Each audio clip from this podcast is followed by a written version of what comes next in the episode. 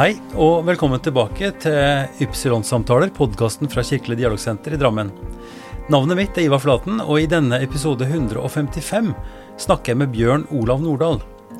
Han er drammensgutt, oppvokst med ett bein i adventskirka i Rømersvei, og det andre i trabantbyen på Sankthansberget.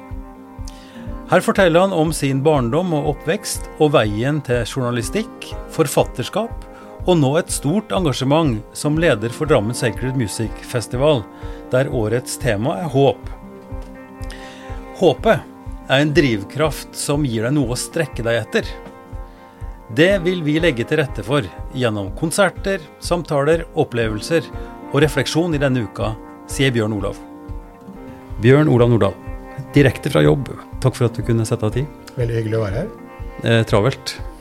Nei, Det er travelt både å jobbe i NRK, og ja. det er travelt med mye av det som skjer på fritida nå, ikke minst fordi det drar seg mot uh, en festival som vi begge to er glad i. Ja, og det skal vi bruke rikelig tid på. Mm. Men jeg har veldig lyst til at vi går litt mer inn på uh, det som er Bjørn Olav. Og uh, den kombinasjonen som, som, jeg har sett av det, både med journalistikk, med forfatterskapet ditt, med estetikk-sansen i musikk og fotografi, ikke minst, og hele det der og den voldsomme rettferdighetssansen som er lukket tilbake der et sted. Mm.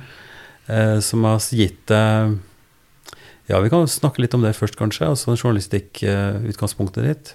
Først her i Drammen litt. Ja, jeg begynte eh, først i, i lokalradioen her, i nærradioen. Mm. Så ble jeg henta over til uh, lokalavisa Fremtiden, som eksisterte i beste velgående den gangen. Den forsvant jo fra jordens overflate før den gjenoppsto i Dagsavisen Fremtiden. Men mm. kanskje ikke på samme måte som det å være en ordinær dagsavis. Nei. Men det lærte meg noe veldig veldig grunnleggende, det å jobbe i Fremtiden. Jeg lærte to ting. Det ene var aller viktigste, er at de du skriver om den ene dagen, møter du på gata den andre dagen. Ja. Ja. Eh, og det gjør noe med deg. Mm. Og så lærte jeg meg veldig fort å lese dokumenter, fordi jeg fikk ansvar for å dekke flere felt i forvaltninga i Drammen kommune. Mm. Flere hovedutvalg og kommunestyre ja. og formannskap. Det var mye dokumenter, så da er det litt sånn enten så svømmer du, eller så drukner du. Uh, så jeg lærte meg veldig fort da å, å, å, se sakene. Men du kjenner jo Drammen? Altså, du har vokst jeg vokste opp, opp i Drammen. Ja. Vokste opp ikke så langt herfra. Er døpt uh, i Dømse kirke. Eh, det kan vi også snakke mer om. Det var en sånn uh, underlig seanse. Og så har jeg gått på Brandenga, som ligger rett der borte. Ja. Og på Fjellheim på andre sida av elva. Så jeg er jo Tangen-gutt og drammenser og alt det som hører til. Og uh, ganske sportsinteressert? Relativt sportsinteressert. Vokste ja. opp med Storhetsteater Strømsgodset. Ja. Spilt fotball og bandy i Dravn. Ja. Eh, så det har satt våre spor. Mm. Eh, så, så, dette er jo Drammen er byen min, og Strømsgodset er laget mitt. Og eh, i det hele tatt føler meg veldig hjemme her. Og det kommer også til uttrykk i det jeg skriver, tror jeg. Altså ja. Drammen er min by. Ja, og, og, en bok som gjorde sterkt inntrykk på meg, av mange årsaker, men det er jo den du skrev eh, om oppveksten din, altså nesten til stede. Mm. Eh, som eh, for så vidt et varmt dokument om oppvekst og, og Drammen, men òg veldig mye om, om religiøs påvirkning og, og kanskje opposisjon, og, og, til og med litt aggresjon, kan det kanskje lukte der, i forhold til hvordan noen bruker makt og posisjon i, i, i religion. Det kan vi også komme tilbake til. Mm.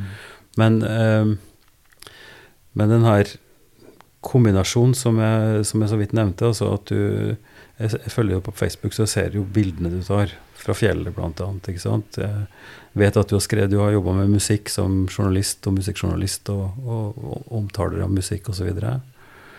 Men også altså rettferdigheten. Prisene, gravinga, som gjør at du nå også sitter med det i kanskje det viktigste mediehuset i Norge?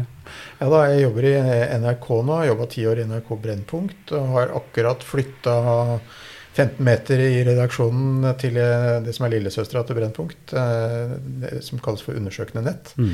Driver med det samme. Det er gravejournalistikk, men vi publiserer på nett. Altså mm. skriving, som jo kanskje ligger mitt hjerte aller, aller nærmest. Jeg har produsert masse filmer for Brennpunkt, men det er veldig deilig å nå bare konsentrere seg om skriving. Mm. Eh, men det er helt riktig det du sier, at for meg så er på en måte makt maktperspektivet eller det å slå nedenifra eh, helt sentralt i journalistikken. Og det henger nok sammen med det du nevner som, som oppvekst i en veldig splitta barndom. Mm. Eh, hvor jeg tilbrakte barndommen i, på, i drabantbyen på Sankthansberget. Mm.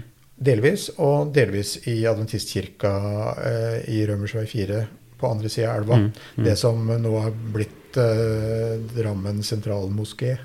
Så det er veldig spesielt. Men det er, ikke sant, i dette miljøet så opplevde jeg nok at det var en god del uh, overivrige voksne som uh, utøvde det jeg vil si religiøs makt uh, på en måte som gjorde at jeg nok etter hvert kom veldig i opposisjon. Mm. Prøvde først å være snill, og så ble jeg litt mer brysom etter hvert. Mm.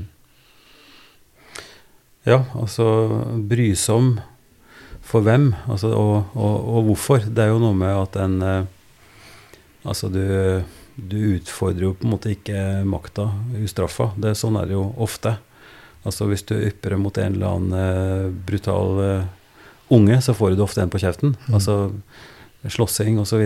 Men òg i, i, det voksne livet med, med institusjoner og, og handelsstruktur og makt. Altså, jeg, jeg merka jo en av Scoop-diplomene dine. Scoop kan du si litt hva er for noe etterpå, men, men Scoop-diplom som da altså premierer et journalistisk arbeid som løfter opp en sak som kanskje ikke har vært så synlig, eh, noe i den retning, med disse ja, store, store handelsorganisasjonene, da, eller, mm. eller, handelsmennene, som nærmest Sånn som jeg forstår nærmest driver med korrupsjon. Altså kjøpe seg plass på hyller og så hylle ja, da det, var, det var ganske store avsløringer vi kom med da vi, da vi gikk løs på det som vi kalte for uh, dagligvarekongene, eller dagligvarebaronene. Uh, som jo i kraft av at de er så få mm. og leverer så veldig viktige ting, Eh, har skaffa seg en helt unik posisjon i Norge. og eh, Nå er det bare tre igjen. altså Det er Norgesgruppen, det er Coop eh, og det er Reitan-gruppen. Mm. Altså Rema 1000. Mm. De sitter på en enorm makt. Mm. Og det er klart at når du utfordrer den type makt, og prøver å finne ut av hvordan er det blitt så rike på så kort tid, hvilke mm. metoder har de brukt, og når vi kommer fram til smøring, gaver, reiser, hvordan de på en måte har agert for å posisjonere seg, mm. så er jo ikke så veldig populært eh, at det kommer fram akkurat i de kretsene, men det førte jo til eh, svære granskinger og omlegging av. Eh, loven og i det hele tatt mm. ganske, fikk ganske store konsekvenser. Men greia er at uh, skal jo ikke utfordre makt for, for, liksom, for, maktens del som sådan, men det er jo hvordan makten blir brukt. Mm. Og, der, og, det henger jo sammen med det jeg vokste opp med, at det var noen autoritetspersoner som, som gjorde det i, i, enda verre forstand, fordi de gjorde det på vegne av Gud. ikke sant? Mm. Eh, og det gjorde det enda mer alvorlig og gjennomgripende.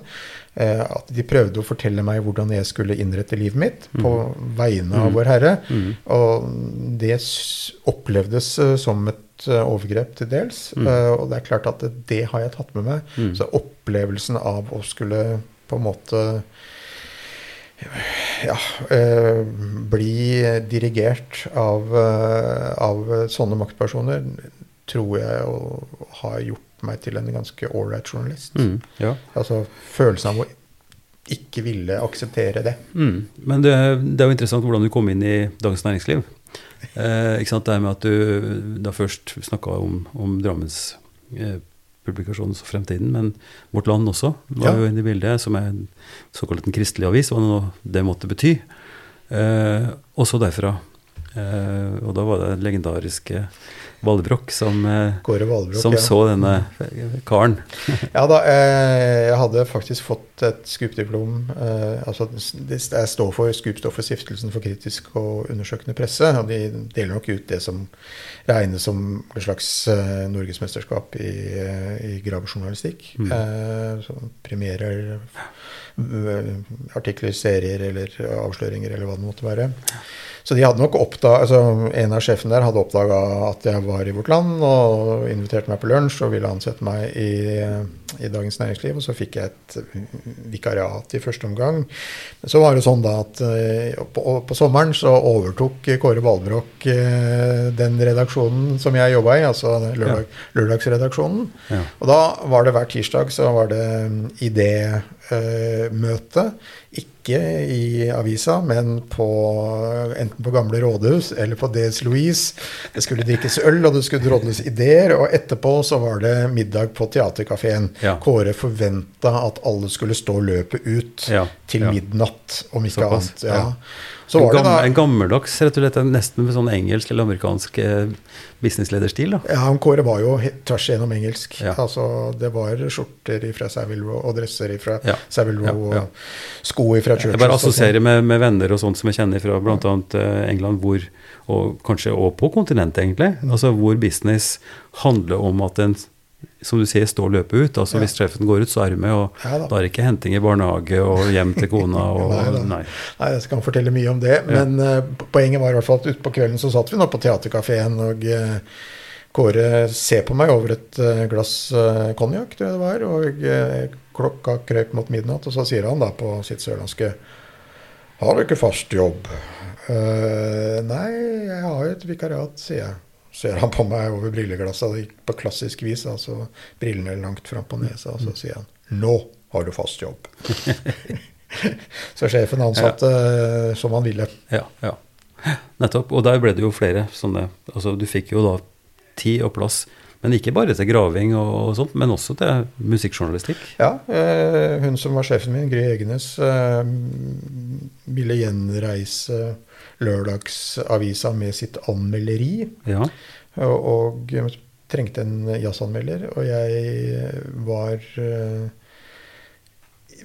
vel Altså, jeg vokste opp med klassisk musikk med en far som både komponerte, og arrangerte Eh, som hadde en veldig sånn bakgrunn fra korbevegelsen. Hadde spilt i dans, danseband, som hadde dirigert korps. Altså. Mm. Han hadde ja. det hele inne. Ja. Så han uh, satte sin ære i å kultivere meg. Ja. Uh, og uh, det begynte jo allerede som liten gutt. Så pleide han å gå i platebutikken på Oppland Platebar her i Drammen, hvis det er noen som husker den. Mm. Kjøpte klassisk musikk. Mm. Kom hjem, satte det på, og så måtte jeg lære meg å identifisere musikken. Ja. Altså, ja. Han ga meg noen hint. Ja. Hvilken periode er det?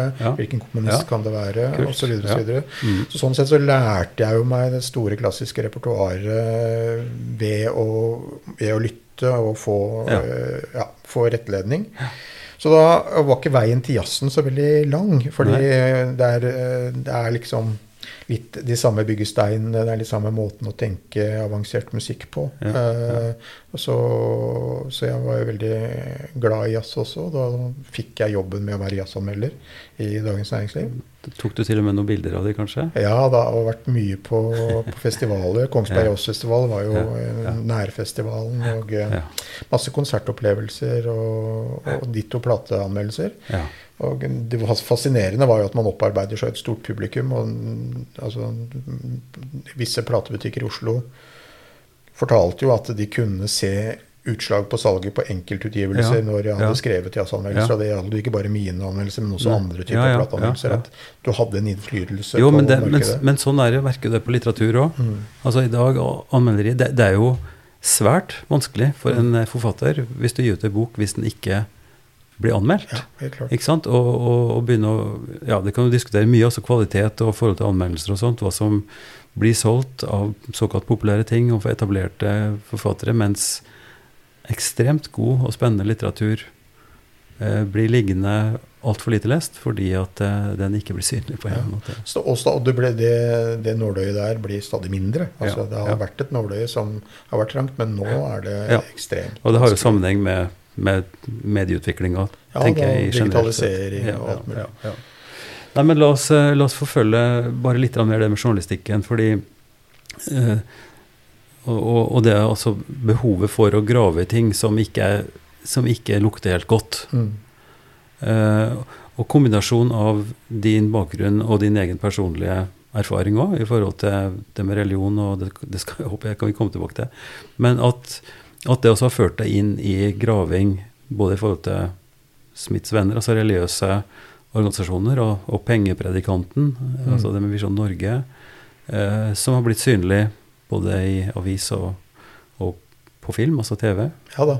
Og, og, og skapt en god del bruduljer, kanskje? Også. Ja da, og det er jo selvfølgelig Det er selvfølgelig krevende, fordi du går inn i et område hvor ting kanskje betyr enda mer for folk. Mm. Altså, jeg, jeg skriver jo om og driver journalistikk på mange felt. Ja. Men eh, du er helt riktig at jeg har jobba mye med, med, maktmisbruk, vil jeg si, og penger på avveier i, i kristne miljøer også. Mm. Det er klart at dette er veldig følelsesbetont, fordi du berører det innerste hos folk. altså mm. Det som virkelig betyr noe.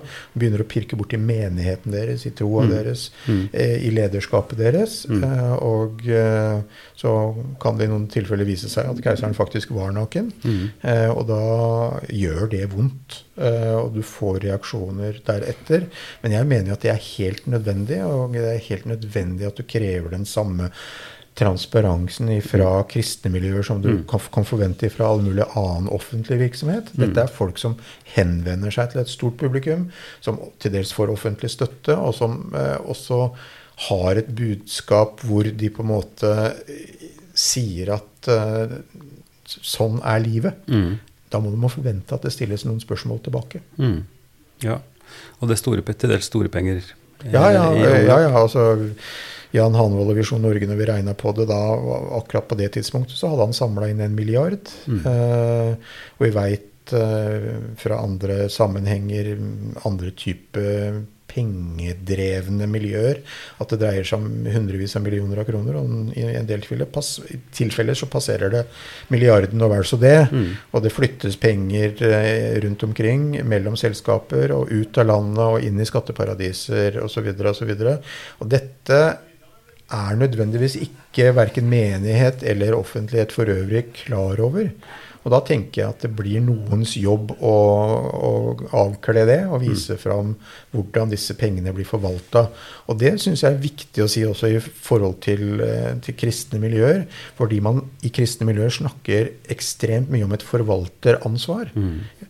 Og Det handler ikke bare om det kristne forvalteransvaret for kloden, og alt mulig sånt nå, men når du samler inn penger på vegne av Gud som skal gå til et godt formål, mm. så har du et ekstra stort forvalteransvar. Mm. og Da må du kunne forvente at noen faktisk spør hvordan blir disse pengene brukt. Ja. Eh, og det er jo det vi har gjort. Ja. Prisverdig, syns jeg, og interessant, og som, som sagt òg eh, ganske krevende. Ganske krevende, fordi det er jo alltid sånn at i store menigheter, og ja, i alle menigheter, så er, det, så er det mange som er der fordi at de er veldig dedikerte og har store både personlige glede og behov og alt mulig, og at det da er vondt og, og, og vanskelig kanskje til og med å, å, gå inn på å erkjenne at det kan være skjevheter, sjøl om de er der, og blir lagt ganske tydelig fram. Eksempel er jo eh, den type forvrengning, altså virkelighetsforvrengning og og virkelighetsbeskrivelse som f.eks. hvis vi bare for å slippe å kan snakke om svensker eller amerikanere for å slippe å snakke om oss sjøl, men, men, USA og Trump ikke sant? og hele, hele ulykka i det at, at sannheten blir knytta til om du, om du, hører med til den ene eller andre gjengen. Mm. Og det er også et ganske kjent mønster.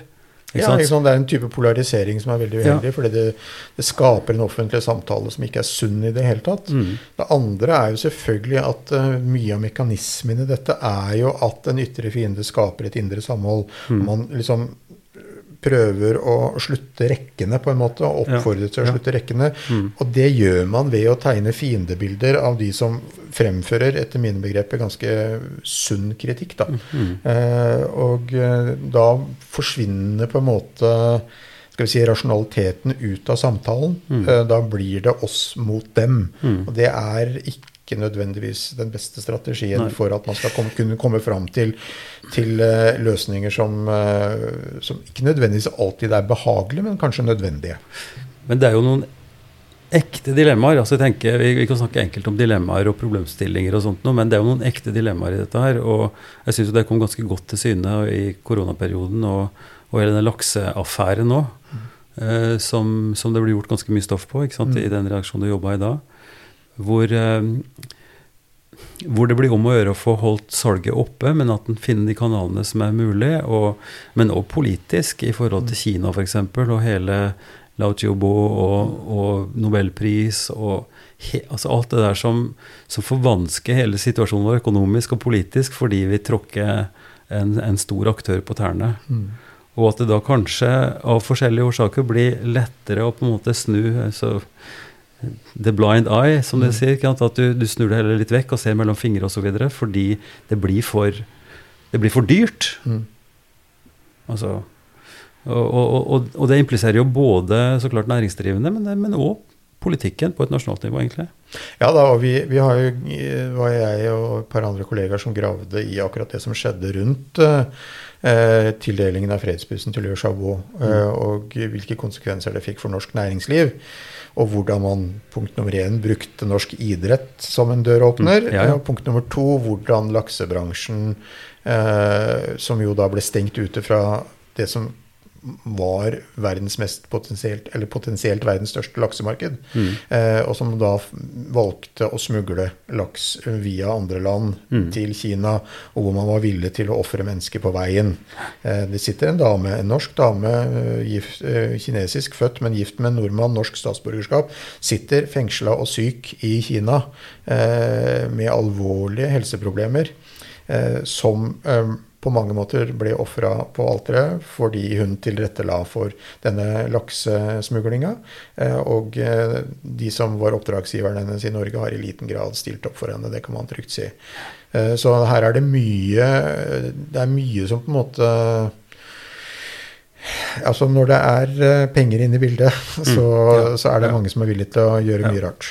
Og det er jo kanskje den litt banale eller sjablongmessige oppskrifta vi har, eller følge når, når, det skal gjøres et sånt arbeid, det er å følge pengene. Ja. Altså at pengestrømmer illustrerer til en stor grad uh, hva som skjer. Nå skal vi ikke snakke mer om næringsliv og sånt, men det ligger noen dypere ting i det der som jeg syns er likevel viktig. Uh, og det handler jo nettopp om makt og, og hvem, som, hvem, som, styrer, og hvordan vi skal forholde oss til det når vi både føler oss maktesløse, og kanskje til en viss grad er det også overfor de store strømningene i verden og i mennesket for den del. Og det, og det er jo på en måte et religiøst perspektiv. Mm. ikke sant? At vi, vi, Det snakkes om synd, det snakkes om frelse, det snakkes om at med, med ondskapen fins, men det fins også en mulighet for det gode i større eller mindre grad. Dessverre ofte mindre grad. Men dette er jo et sånn grunntema i det menneskelige, men òg i, i det religiøse. Ja, absolutt. Eh, jeg tenker jo Altså, jeg mener som, som, sagt at eh, jeg er blitt en ålreit journalist fordi jeg har den bakgrunnen jeg har, og har jo levd i det spennet. Mm. Og kjent på de kreftene som virker. Eh, og eh, ikke sant eh, Hvordan religion og gudstro kan virke frigjørende. Mm. Som kan eh, sette i gang store ting. Mm. Og hvor mennesker virkelig får ny retning og ny mening og alle de tingene der, som er ekstremt positivt. Og mm. det bygger samfunn, og vi har en kristen arv i Norge som vi i stor utstrekning eh, kan si har vært medvirkende til den velstanden vi har mm. i Norge i dag. Men så har vi den andre siden av det, som vi i, i, i hvert fall i kristenheten ikke har vært så flinke til å snakke om og være villige til å ta et oppgjør med. Og det er hvordan religionen og gudsbildet er blitt brukt for, eh, altså, som, et, som, et, stedfortredende motiv, på en mm. måte. Altså hvor man dytter eh, Gud og eh, kristendommen foran seg for å oppnå helt andre ting. Vi har stygge historier i Norge både om urfolk og andre som på en måte mm. har blitt ofra på det mm. alteret. Eh, og det er der jeg tenker at eh, vi jeg skal være glad for. Og nå er det ikke sånn at jeg har veldig behov for å, å, be for min syke mor, men vi skal være glad for at vi har en presse i Norge som faktisk er i stand til å stille disse spørsmålene. Mm. Eh, ikke bare mot religiøse ledere, men også politiske ledere. Vi har eh, hatt flotte flinke journalister som har klart å stille helt avgjørende spørsmål til hvordan våre folkevalgte på Stortinget forvalter den makten og den myndigheten og de mm. ressursene de har blitt tildelt.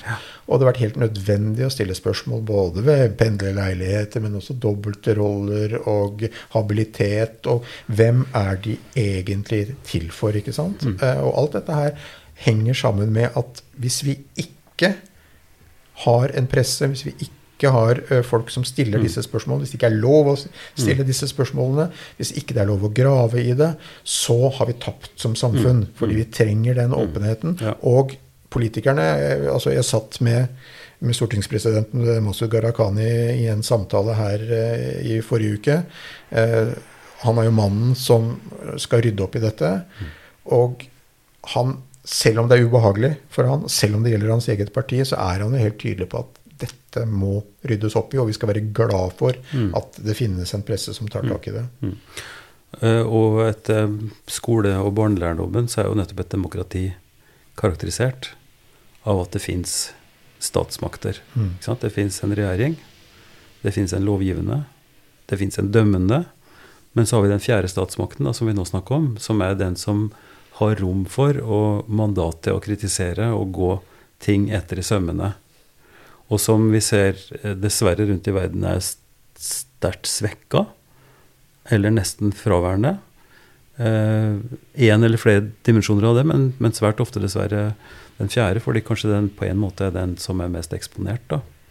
Ja, og samtidig så skal vi som jobber i, i mediene, vi skal ta inn over oss den makta vi faktisk har også. Ja, ja. Eh, og eh, det, der går jeg gjerne i rette med, med vår, vår, stand og min, mine egne kolleger. At vi er på vårt aller dårligste og vårt mest usjarmerende når vi jager i flokk. Mm. Når vi lukter blod, og når vi går etter enkeltpersoner eller uh, enkelthendelser og uh, ikke gir oss før uh, hodet ruller og, og blodet renner urettmessig. Mm. Og det er det noen eksempler på opp gjennom mm. historien, hvor, hvor pressen har misbrukt mm. makta si så til de grader. Og Det er nettopp derfor jeg ønsker å bekjenne meg til den delen av journalistikken som ikke handler om å jage flokk, men ja, som ja. handler om å gå sine egne veier ja, og finne sine egne spor og uh, følge dem. Mm. Og, og, komme fram til uh, svar som kanskje ikke så fryktelig mange venta. Mm. Nei, men det eh, Altså, walk the talk. Eller det er lettere å, å si halleluja enn å gjøre det. Mm. Altså, det er mange uttrykk for det her med at, at, at det å, å, å finne den veien, da eller å stå i det, eller klare å gå imot strøms. Eh, jeg syns jo det er veldig interessant. Det er flere saker, da, men, eh, men den samtalen som du hadde i festivalen i fjor, med, med Jar ikke sant? Eh, journalisten, forfatteren, som da har stått nesten alene i ganske lange perioder mm. i forhold til Baneheia-saken. Og, og det fins andre eksempler hvor, hvor vi litt for lett og jeg vet ikke om det er rett å si vi, da, altså som samfunn, og at vi lett, vi lett, går i flokk og vil gjerne ha svar, og, og at det er fort gjort å da kanskje overse, eller helst ikke lytte på den enslige eller de som har motstemmene. Ja da, og Ibsen skrev en folkefiende, og vi har, har hatt den som pensum, mange av oss, på, mm. på gymnaset kanskje. Ja. Eh, og den, kan, den, er vel verdt en gjenlesing. Mm. Eh, den forbannede kompakte majoritet, som eh, ja. Ibsen kaller det for. Ja. Eh, den lever jo i, i beste velgående, og den må vi ta et oppgjør med. og så finnes det jo heldigvis noen stabeiser som Bjørn Olav Jahr, som andre som Tore Sandberg, som andre ja. som tar opp gamle saker, og som får rettferdighet der rettferdighet ikke har mm. funnet sted. Mm. Og det, det, er altså, det, er helt åpenbart. og Pressen har jo nå hatt interne granskninger altså Alle de store mediehusene har hatt interne ja. granskninger som viser hvordan de har svikta i f.eks. Baneheia-saken. Ja, ja, Vi svikta Fritz Moen, vi svikta i Birgitte Tengs-saken. Vi har svikta Men det er jo helt i synk da, med, med en slags sunn teologi på at altså, vi er ganske sårbare mm. eh, og, og begrensa. Mm. Eh, og da går det jo både på, altså på, på, faglig standard, det går på profesjonalitet, det går også på det å, å, å kunne ha integritet. Eh, og tørre å stå fram når, når, ting blir vanskelig. Og det er klart, det er jo viktig. Men som sagt, det er, det er lettere å si det enn, enn, å gjøre det. Og der tenker jeg altså da at, eh, at, hvis vi går litt det neste hakk nå som kanskje Der vi kunne gi litt mer rom til din egen historie, da. Altså hva som i utgangspunktet har forma deg og gjort deg til den du er som Altså du har jo sagt flere ganger nå allerede at, at din oppvekst og, og, din baling med disse problemstillingene, både personlig som, som gutt i oppveksten, men også etter hvert som voksen, har gitt deg de Skal vi si den grobunnen, da, eller mm. den plattformen eventuelt, som gjør at du nå gjør det du gjør.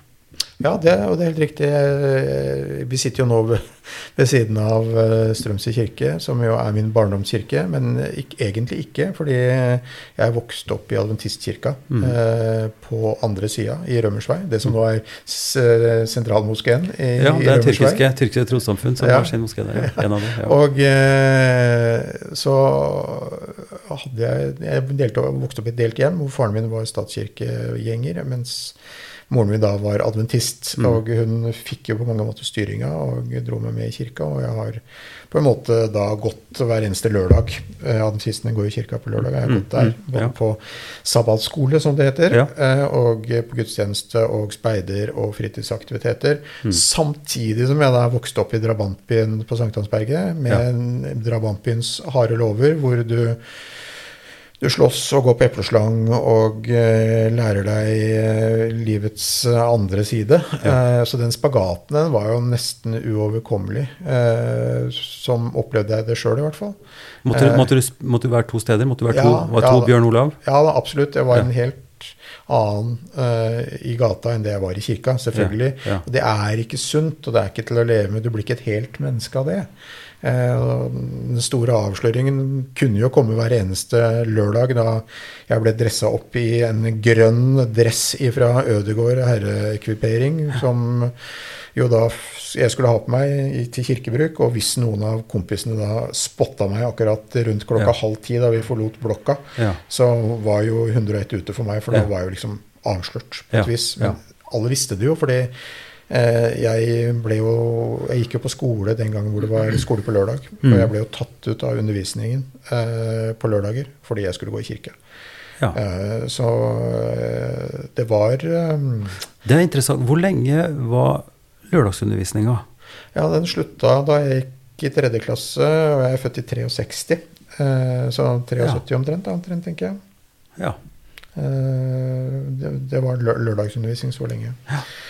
Eh, så det er klart alt dette her, ikke sant? Og, og, lørdagen var jo den viktigste dagen i hele uka. For dette er jo tatt etter mønsteret fra jødenes sabbat. Ja. Eh, og man holder hviledag fra solnedgang fredag til ja. solnedgang lørdag. Det er bibeltroskap, rett og slett. Ja, veldig. Ja, For det står, eh, det står i Bibelen. Ja, og veldig tydelig på hva man ikke får lov til å gjøre på lørdag også. For meg som fotball- og bandygutt, som jo er vokst opp i ski- og ballklubben Dravn.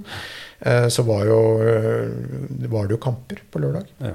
Og eh, jeg har sniket meg unna, og jeg har kommet hjem fra Løkka svett og varm og prøvd å skjule mm. at jeg har vært av gårde og gjort det man ikke skulle gjøre på lørdag. Og jeg er blitt nekta å spille viktige kamper på lørdag. Og dette er uh, gjenkjennelig for veldig mange gutter, og etter hvert jenter også, som har vokst opp i det miljøet. Men dynamikken i familien din, da, i og med at faren din var statsråd? Ja, altså, han overlot showet på mange måter til mora mi. Han abdiserte litt? Ja, han abdiserte litt og tenkte at, uh, at jeg hadde såpass mange konflikter at jeg skulle slippe den konflikten ja, ja, hjemme også. Ja, Det er sikkert klokt. Ja, det mm. kan hende det var klokt, men det kunne hende han kunne ha stilt opp litt mer også. Det, men, men uh, i det hele tatt så, så ble jo dette et, et sånn veld, en veldig schizofren tilværelse. Mm. Uh, og det endte jo med da at uh, mora mi så at oppvekst i Drammen ble for risikabel. Ja. Så 14 år gammel så ble jeg sendt hjemmefra til adventistenes internatskole ute på Røysehalvøya ja. i Tyrifjorden. Eh, for å gå der i fire år. Så jeg fullførte ikke ungdomsskolen. Det kunne bli, bli for krevende nok, mente hun. Så jeg, ble, jeg, ble, sendt dit. Så det betyr at da levde du livet ditt der? Ja, veldig. Eh, I en veldig, skal vi si, et slags drivhus. Ja. Eh, og det er jo Det kommer du ikke uskada fra? Eller, nei, eller u, u, i hvert fall ikke upreget? Umerka, nei. nei, nei. Den, det er litt sånn Hamsun-sult. Eh, denne by som ingen forlater uten å få merker av det. At det er litt sånn, ja, ja, ja, Denne skolen ingen forlater uten å få merker av det. det jo, men altså, Jeg har jo gått på internatskole, men det var ett år, da. Altså folkehøyskole. Og det er jo litt av den samme drivhuseffekten der. Ja. eh, om, men altså, det er massivt i fire år, da. Ja. Og du var vesentlig yngre. Jeg var jo 18 da jeg dro på den der. Ja, Det som skjer, er jo at man samler ungdom fra hele Norge og Ja. stapper de inn i to internat ute på et uh, jorde uh, på, på Røysehalvøya. Fantastisk beliggende, flott sted. Nydelig, alt mulig. Men det er jo det er jo altså det, det må jo gå gærent når det er så mye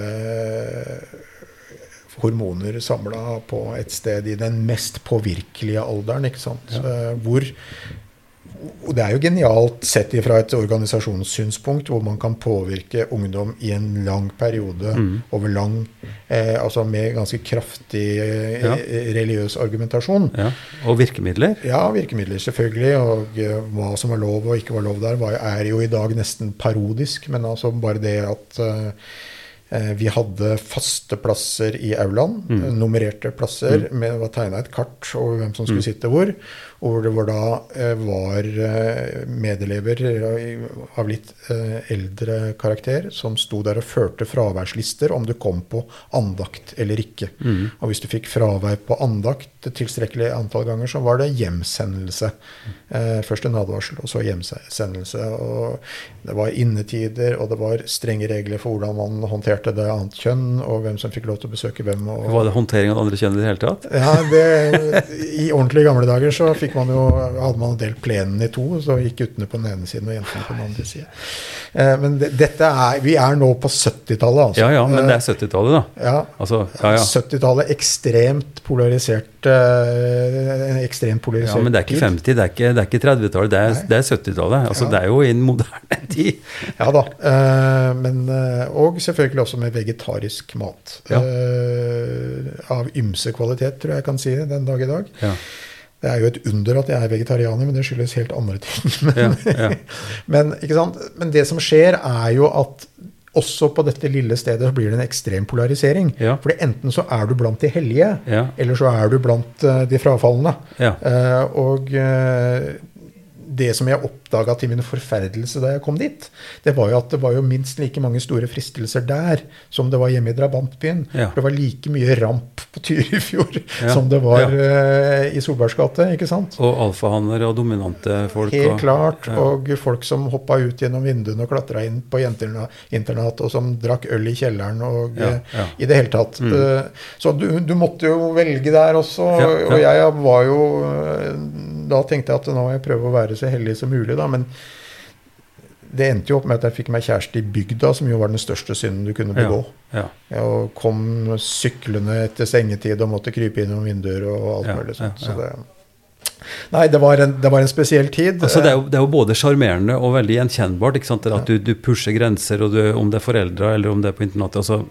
Men det, er jo, det lager jo et mønster og en, eh, et preg, da. Eller du blir, du blir satt i en eh, i en situasjon som du nå beskriver at du må velge litt, og du må kjøre et løp, og du må velge hvilket løp du skal kjøre. Ja, og det var veldig tydelig. Altså, det var ikke mye, veldig mye midt imellom. Eh, så det var, det var krevende. Jeg ble nok regna som en av de hellige. Ja. Fikk lov til å synge. Be, bes, beskriv det. Altså, Ja. hva, hva er definisjonen på det, liksom? Ja, nei, da, da er du igjen etter andakten og deltar på bønnegruppe, f.eks. Ja, ja. Eh, du holder andakt. Ja. Eh, du blir utvalgt til å synge i de, de, aller helligste ungdomskorene. Eh, Ja. ikke sant? Veldig med uniform og greier. Blir, blir dette begrepet brukt? Ja. Altså at, at, at hellighet blir en kategori? Ja, de hellige. Mm, ja. Eh, absolutt. Ja. Eh, så vet jeg jo at dette sikkert har endra seg med tida, men den gangen så Mm. var det sånn. Ja. Og, og du blir prega av det. Eh, mitt, mitt store si, problem eller utfordring var jo at jeg var jo fotballgutt. Ja. Eh, og veldig mange av de gutta som spilte fotball, var jo ikke nødvendigvis blant de hellige. Nei. Sånn at jeg dreiv jo og vakla fram Ja. og tilbake Ja. der også. Men eh, det kan sies en del skremmende om dette, og det kan sikkert høres ganske sånn eh, ekstremt ut. Eh, men du får jo også Du kommer veldig tett på mennesker. Du får skills, sosiale ja. skills. Ja, ikke bare det, men du får også venner. ikke sant? Du ja, får venner, Jeg har venner derfra så, som, jeg, som, jeg, har hatt hele livet. Jeg kjenner folk på en helt spesiell måte. Uh, folk du har bodd på rom sammen med i flere år. ikke sant? Som er, din, som, er dine beste venner. og ikke minst traff jo kona mi der. Ja. Eh, altså, Anne og jeg ble sammen da vi var 16 og 17, ja. og siden så har vi vært sammen. Ja. Eh, og det er jo et eh, Det er litt av en kapital? Ja, det er en bonus eh, som kanskje vært eh, mye eh, av de andre rare tingene som skjedde der. Mm. Ja. Nei, altså, For de som ikke har lest boka di, da, så er jo nesten til stede Det er jo en veldig, det er en veldig god tittel. For det går jo nettopp på det der ambivalente. Eh, men samtidig så er du jo ganske saftig i beskrivelsen nettopp av dette her spillet og de forskjellige typene og, og, og risikoen og teknikken og ja, alt det der.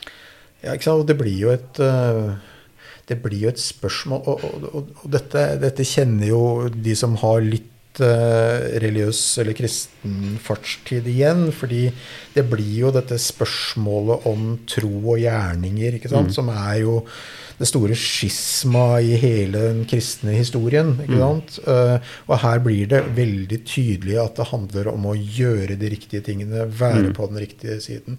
Så det blir en slags gjerningskristendom, som mm. man ja. uh, sier. Man, ja, ja. Man, må, man, må, yte noe for å bli frelst. Uh, og det er liksom ikke uh, sola fide, troen alene. Nei.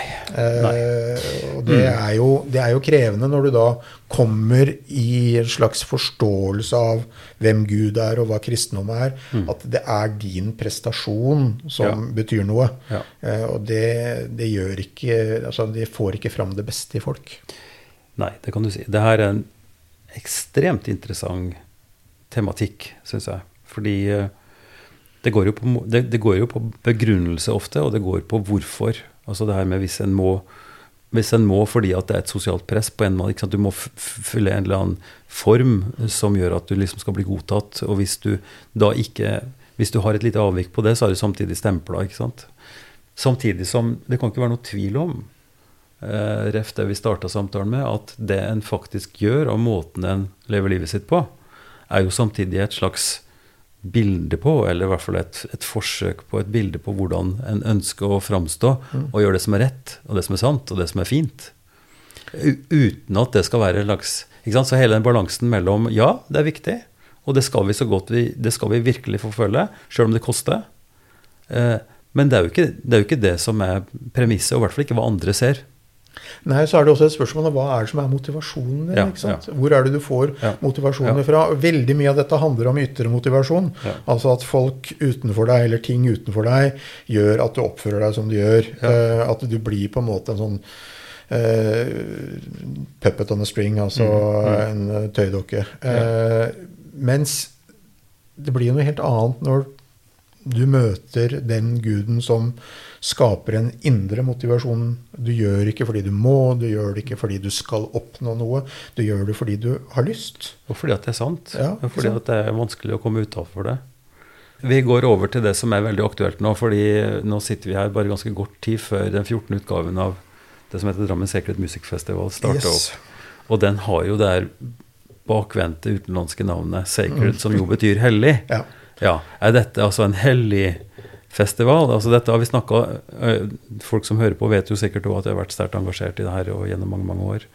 Men det går faktisk på det vi nå snakker om. Altså hva er det vi vil når vi snakker om dette, og hva er det som er kjernen i det, som gjør at vi mener at det er meningsfullt? Ja, ja det, og det er jo det. Og, og, mange tror at dette er en kirkemusikkfestival, og at det er bare religiøst uh, anliggende. Og det er det jo ikke. Dette er jo først og fremst altså vi, har, vi har definert Drammen Sacred til å være en, altså Det vi skal med Drammen Sacred, er å bygge broer og skape møteplasser gjennom kunst og kultur. Mm. Uh, og da betyr det i kunst og kultur i vid forstand, ikke i et snevert kirkemusikalsk begrep. Mm. Det betyr at vi har på en måte artister. altså Vi har Ole Paus, eh, og vi har Oslo Oratorikor, Vi har Skrukk, og eh, vi har Moddi. Mm. Eh, altså, vi, vi, strekker dette i alle retninger. Ja. Vi har bildende kunst, vi har eh, drama for barn. Vi, har, altså, vi prøver å bruke hele registeret. Mm, ja. Og det er ikke sånn at dette er spesielt religiøst motivert, men det handler om dypest sett det som finnes i religion, og som finnes i alle religioner, nemlig hva vil det si å være menneske? Mm. Og hva vil det si å være menneske i Drammen? Mm. Hva vil det si å relatere seg til andre mennesker i Drammen. Mm. Og hvis vi kan bruke kunsten og kulturen til å skape de møteplassene hvor folk Mm. får reflektert over det, så har vi oppnådd noe med festivalen. Ja. Ikke sant? Og det der uh, har vi nå snakka om og, og prøvd å få få ut i praksis da, i alle disse åra. Og vi har en, en stolt historie. altså Det har skjedd veldig mye interessant. og og, og jeg syns jo det er strålende at vi fremdeles er oppegående, og at det skjer så mye fint. Programmet i år vil jo påstå er noe av det fineste vi har gjort. Så det skal du ha, og programkomiteen all ære av. Eh, og så er temaet håp. Mm. Og, og, det er altså en slags eh, triptykk, eller en tredelt sak, for vi hadde, vi hadde tro i fjor. Og prøvde å, å, ha det som et slags gjennomgående tema. Og så er det håp i år. Og håpet hvordan vil, du, hvordan vil, du, beskrive det på en måte som en driver nå, i lys av det vi har snakka om, om gravinga di, mm. om oppveksten din, om spriket mellom det som er på en måte dagligliv, og det som er på en måte hellighet, og definert veldig strengt religiøst. Hvor, hvor, hvor er håpet, og hvorfor er, det, hvorfor er det en drivkraft i håpet, syns du? Nei, jeg tenker at det handler om at vi som mennesker må være i utvikling. altså Den som har begge beina, står stille. Og vi må bevege oss mot noe. Og håpet er jo det som kanskje er det som driver oss mot noe. Vi har et håp. Det, det trenger jo nødvendigvis ikke være noe som man Eller jeg tror jo kanskje ikke alltid det er noe man oppnår. Mm. Men det at det faktisk fins en realistisk mulighet for å oppnå et eller annet, det være seg eh, å få et godt liv, det være seg å finne seg et, en livsledsager å leve livet sammen med, det være seg å sørge for at noen mennesker får det bedre enn det de har mm. per i dag, mm. enten det er folk som bor i denne byen, eller folk som lever andre steder i verden. Mm. I det hele tatt, det at det fins noe å strekke seg etter. Eh, og, og her kommer jeg veldig ofte tilbake til eh, en, eh, en pedagog eh, som heter Jean Piaget. Ja. Mm. Som jeg har hatt stor glede av å lese. Og han snakker om menneskets utvikling. Mm. Og snakker om det å være i balanse, at vi alle strever etter å komme i balanse. Det han kaller for ekvilibrium. Mm. Men han sier at det er ikke mulig å komme i balanse. For hvis du kommer i balanse, så stopper utviklingen. Så du kommer bare i et tilnærmet mm. ekvilibrium, en tilnærmet balanse, så vil det oppstå ny ubalanse, og på den måten så foregår utviklinga. Ja. Og det er det samme med håpet. At du må ha det, at du noe å strekke deg etter, noe som du vil og håper og tror skal skje. Mm. Og det fører til en eller annen form for menneskelig framdrift. Mm. Og en form for menneskelig interaksjon. Altså det at vi mm. gjør noe sammen, for hverandre, med hverandre. Uh, og det er en del av det som jeg sånn dypest sett tenker er uh, det som ligger under årets uh, motto for festivalen. Mm. For håp er jo en, en kategori som, som, også, som også er avhengig av erfaring på en eller annen måte. og, og avhengig av at at en ser en dypere mening og har disse bildene av at det nytter da, på et eller annet vis. Uh, og, og, grunnen til at jeg syns det er viktig å, å, på en måte reflektere rundt det, og, og, det er jo også interessant med et verbalprogram altså som går på refleksjonssamtaler rundt dette her, at det også ligger en, en viktig drivkraft i, i festivalen der. Men, men, det er så fort gjort å bli Jeg vet ikke om du er enig i det, men det er fort gjort å bli apatisk. Det er fort gjort å bli å, bli ikke bare sliten, men liksom motløs. Fordi det er så utrolig mye som er kontra det vi, det vi, det vi ønsker. Mm. Men jeg tenker at det er akkurat der kunsten og kulturen eh, hjelper oss.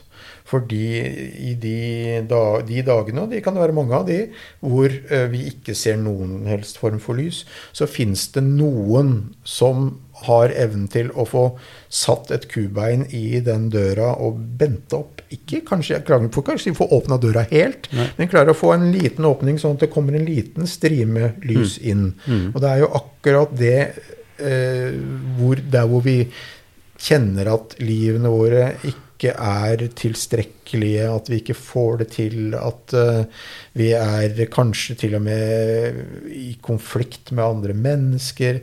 Vi har, uh, ja, vi har en tilværelse som kan være ganske mørk. Mm.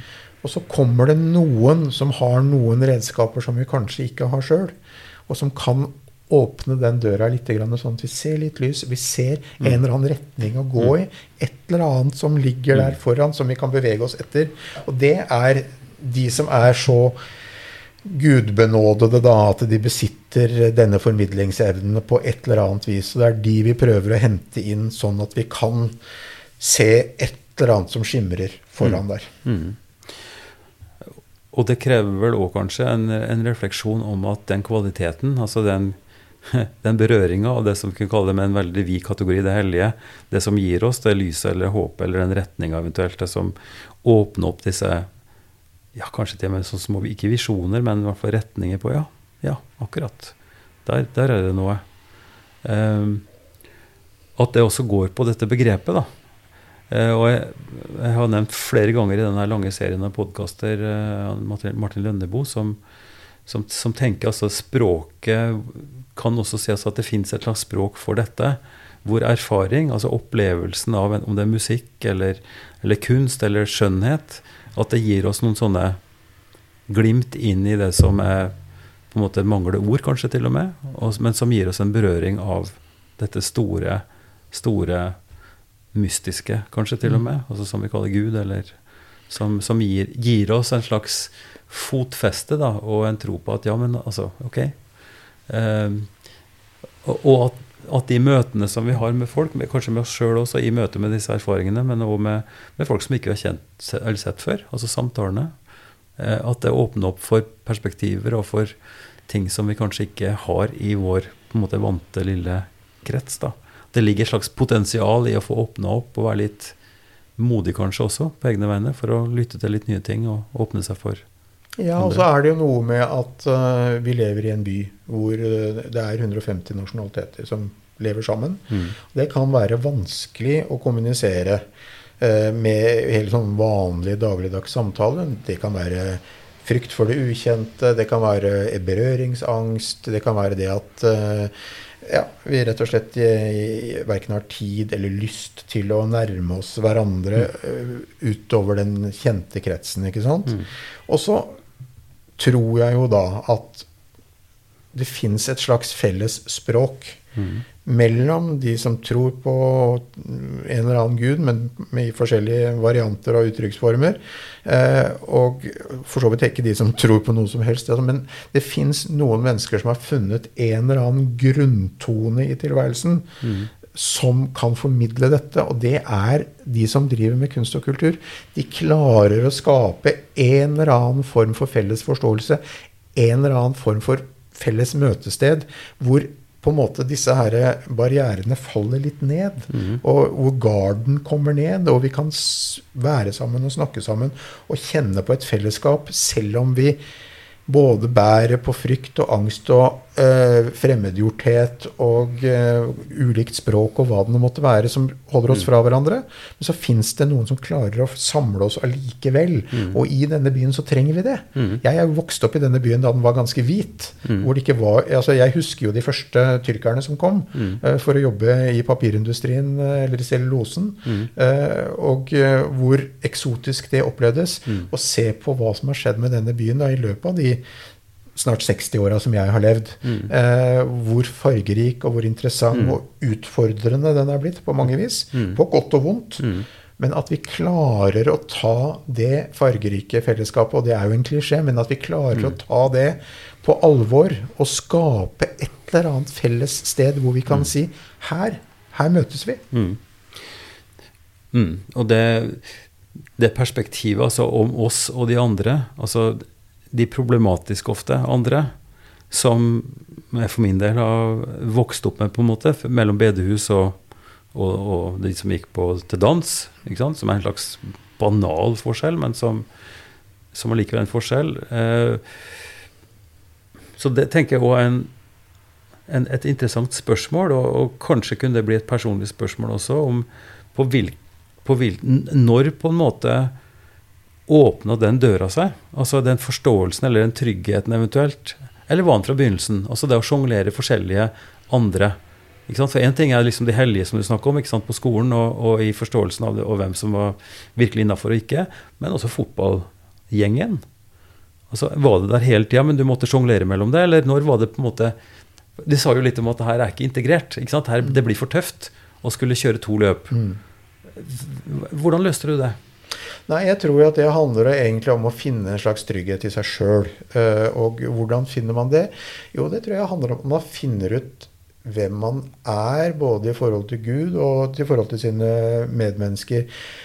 Og for meg så handler det, og det er en helt sånn personlig greie, men for meg så handler det om å møte en stor, raus Gud som aksepterer meg helt uavhengig av mine ferdigheter på de ulike livsområdene. Og når du til syvende og sist blir møtt, sett og akseptert, helt uavhengig av hva du presterer, mm. så faller ting på plass. Du finner en ro. Du finner en ro i deg sjøl. Mm. Jeg er ok. Og det er jo et, et gammelt slagord fra USA som fortsatt gjelder. I'm ok, you are ok. Ja. Kåre Valbrok sa det til meg da jeg kom til han og spurte jeg er jo litt uh, annerledes enn dere andre folka i Dagens Næringsliv. Ikke drikker jeg, ikke røyker jeg. Eh, vegetarianer er jeg attpåtil, og jeg er sjelden ute på byen. og sånt nå. Så ser han på meg over brilleglassene på sin klassiske sørlandske måte, og så sier han hvis du kan like oss, kan vi like det. Ja. Hvis du kan like oss, så kan vi like deg. Ja. Og det har fulgt meg hele veien. Den romsligheten og den mm. rausheten. Mm. At når du blir sett, møtt, akseptert mm. og tatt imot Vi mm. snakker mye om det i sånne religiøse sammenhenger eller kristne sammenhenger. At man blir tatt mm. imot. Men det handler om å kunne sette seg ned, lene seg tilbake og vite at det er helt ålreit at du er den du er. Med alle de feil og skavanker og skrukker og rynker og ja. ja. det som måtte følge av livet ditt. Mm. Eh, og da falt ting på plass for meg også. Men det mm. tok en stund. Mm. Jeg måtte bli godt voksen før jeg klarte mm. å finne ut av akkurat det der. Og da er det ikke et spørsmål om å jage etter og prestere og skulle bevise for omverdenen at du er god nok. Da handler det om at du er god nok, og at det kan du bruke på en konstruktiv måte. Mm. Og Kanskje kan det å tegnes opp som en slags visjon eller et bilde på festivalen. altså at Her er det et åpent, det er et, det er et åpent sted hvor, hvor en ønsker å utforske og lytte til og bli kjent med eh, ting som en kanskje ikke var så kjent med før. Eh, nå vet jeg ikke om det er så veldig mange eksempler på det. Vi har et, altså Programmet i år er jo altså både sterkt kvalitetsmessig, men også ikke veldig radikalt? Nei. Det skal jeg være helt ærlig på. Som styreleder i denne festivalen så er jeg avhengig av å få et budsjett til å gå opp også. Ja, så ja.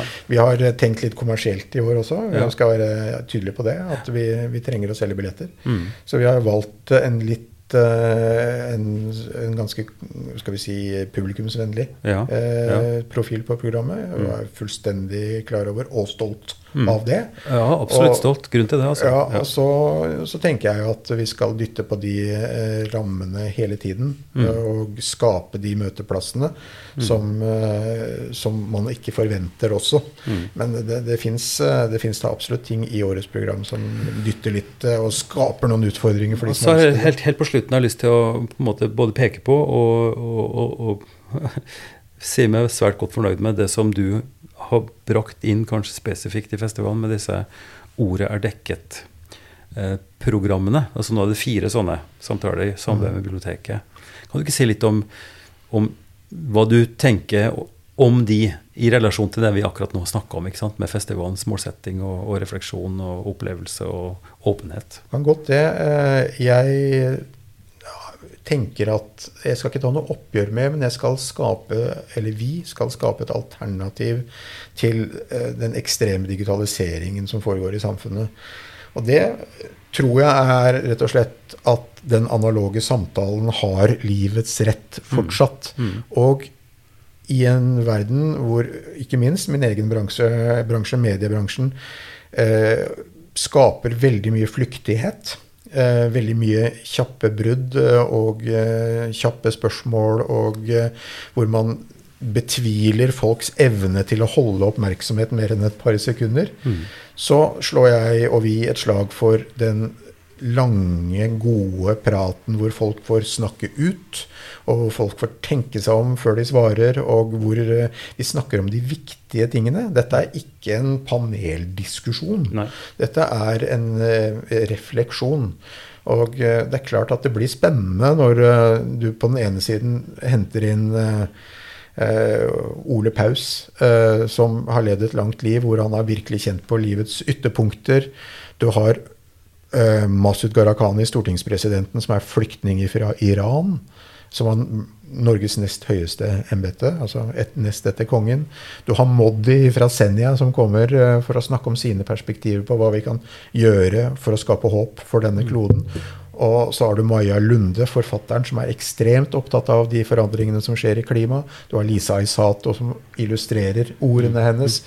Og så har vi Petter Uteligger, som har virkelig vært på gata og snakka med de som det kjennes håpløst for, og som kan fortelle historier med håp. Og til slutt, da, så kommer eh, også Åge Storm Borchgrevink eh, for å fortelle om Putin, eh, krigsherren i Kreml, og hvorfor krigen i Ukraina drives på den måten som den drives. Så det er flere andre også som jeg ikke har nevnt nå.